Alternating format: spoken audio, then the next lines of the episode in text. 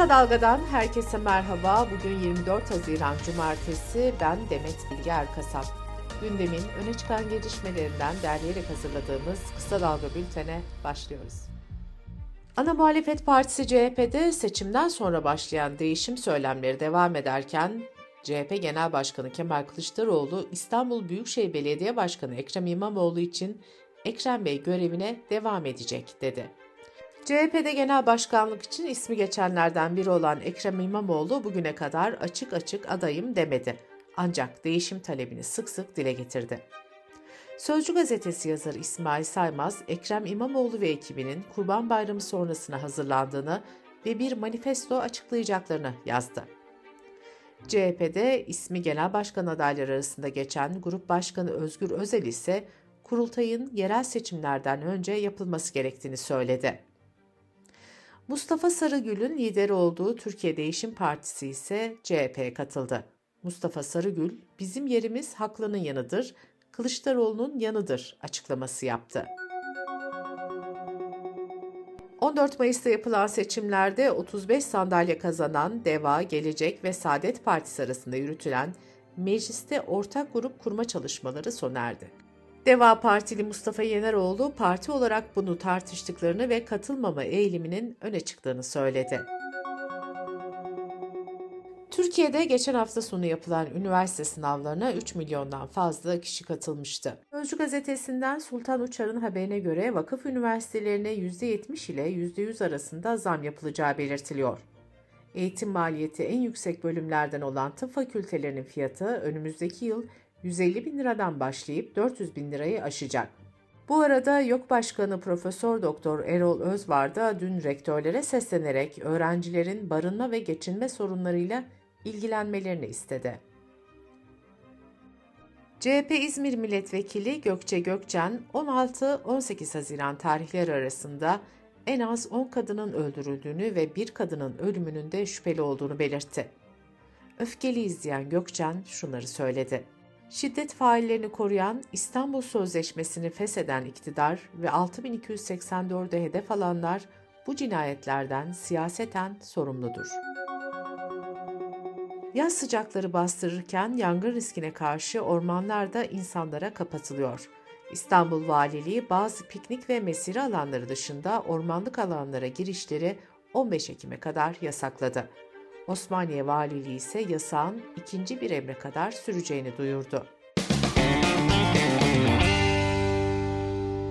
Kısa Dalga Bülten'de sırada ekonomi haberleri var. Merkez Bankası'nın faiz kararından sonra döviz kurundaki artış dün de devam etti. Dolar tarihinde ilk kez 25 liranın üzerine çıktı. Euro da 27 liranın üzerini gördü. Merkez Bankası seçimlerden sonra yaptığı ilk toplantıda politika faizini 650 bas puan arttırarak %8,5'dan %15'e yükseltmişti. Bu kararın ardından döviz kurunda yükselme başlamıştı. Bankanın kararı dünyada da yankı buldu. The Financial Times gazetesi faiz artışını krizi bitirme yolunda atılan bebek adımları olarak nitelendirdi. Hazine ve Maliye Bakanı Mehmet Şimşek de dün bir açıklama yaptı ve şöyle dedi. Ekonomi politikalarımız kısa vadede fiyat istikrarını ve finansal istikrarı hedefliyor. Kararlılıkla kademeli olarak bu süreç yönetilecektir. Merkez Bankası'nın faiz kararının ardından ticari kredi ve kredi kartı faiz oranları da artırıldı. Resmi gazetede yayımlanan Merkez Bankası tebliğ ile referans faiz 0.88'den 1.36'ya yükseltildi. Kredi kartlarına uygulanacak azami faiz oranı her ay Merkez Bankası tarafından ilan edilen referans faiz oranına 0.55 puan eklenerek belirleniyor. Bu durumda %1.36'ya 0.55 puan eklenmesiyle Temmuz ayından itibaren kredi kartına uygulanacak azami faiz oranı %1.91'e yükselmiş oldu. Türkiye İstatistik Kurumu Haziran ayı ekonomik güven endeksi verilerini açıkladı. Endeks Mayıs ayında 103.7 iken Haziran ayında %2,5 oranında azalarak 101.1 değerini aldı. Güven endeksi tüketici ve üreticilerin genel ekonomik duruma ilişkin değerlendirme, beklenti ve eğilimlerini gösteriyor. Endeksin yüzden yüksek olması olumlu, yüzden düşük olması olumsuz durumu işaret ediyor. Türkiye Odalar ve Borsalar Birliği Mayıs ayına ilişkin kurulan ve kapanan şirket istatistiklerini açıkladı. Mayıs ayında kapanan şirket sayısı bir önceki aya göre %41, kapanan kooperatif sayısı %105.7, kapanan gerçek kişi ticari işletme sayısı da %49.8 oranında arttı. Birliğin verilerine göre bir önceki aya göre kurulan şirket sayısı %9.4, kurulan kooperatif sayısı %31 artarken gerçek kişi ticari işletme sayısı ise %12.3 oranında azaldı. Yeni kurulan şirket sayısı geçen yılın aynı ayına göre ise %6.4 geriledi. Türkiye İstatistik Kurumu Mayıs ayına ilişkin dış ticaret verilerini de açıkladı. Buna göre Mayıs'ta ihracat bir önceki yılın aynı ayına göre %14.4 artarak 21 milyar 659 milyon dolar oldu. İthalat ise %15,5 artarak 34 milyar 186 milyon dolar olarak gerçekleşti. Dış ticaret açığı ise Mayıs'ta 12,5 milyar dolara yükseldi. Dış politika ve dünyadan gelişmelerle bültenimize devam ediyoruz.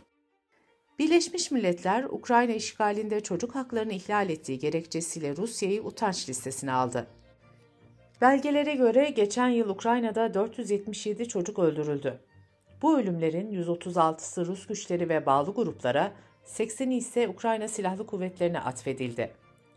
Raporda 909 çocuğun da sakat bırakıldığı belirtildi. Bu arada insan hakları örgütlerinin defalarca talep etmesine rağmen İsrail, Filistinli militanlarla mücadelesinde çocuklara yönelik muamelesi nedeniyle utanç listesine eklenmedi. Ukrayna'da savaş ve yıkım devam ederken uluslararası düzlemde ülkeye yardım çabaları da devam ediyor. ABD, İngiltere, Avrupa Birliği Ukrayna'yı yeniden inşa etmek için 60 milyar euro taahhüt etti. Ancak Almanya Kalkınma Bakanı yeniden inşanın faturasını Moskova'nın üstlenmesi gerektiğini belirtti. Bakan Scholze, bütün altyapıyı yok ettiler, evleri yok ettiler ve bunu ödemek zorundalar. Uluslararası hukuk da bunu gerektirir diye konuştu. İsrail Başbakanı Benjamin Netanyahu, batılı ülkelerin Ukrayna'ya verdiği bazı silahların İsrail sınırlarında görüldüğünü öne sürdü. Netanyahu silahların düşman ülkelerin eline geçmesinden endişe duyduklarını belirtti. Tunus'un güney kıyılarında Avrupa'ya geçmeye çalışan göçmenleri taşıyan 3 tekne battı, ikisi bebek 3 kişi hayatını kaybetti, 12 kişi de kayboldu. Öte yandan Meriç Nehri'ni geçmeye çalışırken bir adacıkta mahsur kalan 145 göçmen de botlarla Yunanistan topraklarına götürüldü. Titanic enkazına turistik gezi için pazar günü dalış yapan ve bir daha haber alınamayan Titan denizaltısının enkazı bulundu. Deniz altındaki 5 kişi hayatını kaybetti. ABD Sahil Güvenlik Teşkilatı turistik denizaltıda muhtemelen bir patlama gerçekleştiğini söyledi. 1912 yılında buzdağına çarparak batan Titanic gemisinde 1514 kişi hayatını kaybetmişti.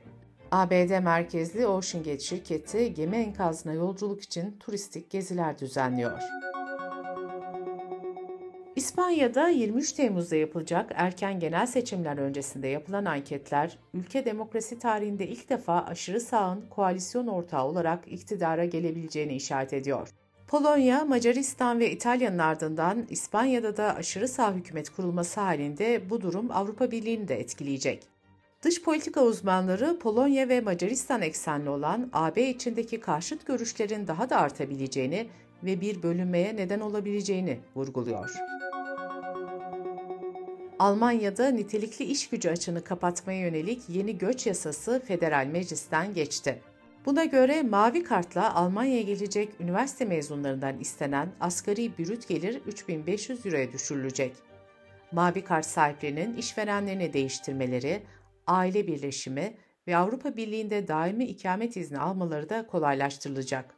Mavi kart, AB üyesi olmayan ülkelerden gelen ve üniversite mezunu kişilere verilen özel bir oturma izni.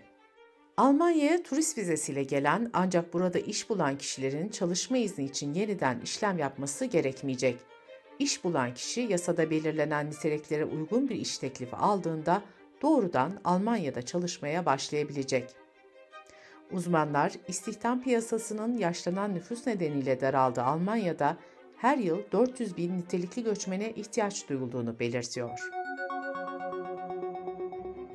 Bilim insanları dünyaya en yakın konumdaki süper kütleli kara deliğin uyku döneminden uyandığını ve milyon kat daha yoğun hale geldiğini açıkladı. Araştırmacılara göre parlaklıktaki bu artış sadece bir yıl içinde meydana geldi. Bilim insanları bunun neden gerçekleştiğini hala tam olarak bilmiyor. Ancak kara delik ve yaşadığı değişim incelenmeye devam edilecek. Bültenimizi kısa dalgadan bir öneriyle bitiriyoruz. Yeşim Özdemir'in hazırlayıp sunduğu Kitap Konu Kahve'de Büşra Sanay kardeşini doğurmak kitabını ve Türkiye'deki enses gerçeğini anlatıyor. Kitap Konu Kahve'nin Büşra Sanay'ın konuk olduğu bölümünü kısa dalga.net adresimizden ve podcast platformlarından dinleyebilirsiniz.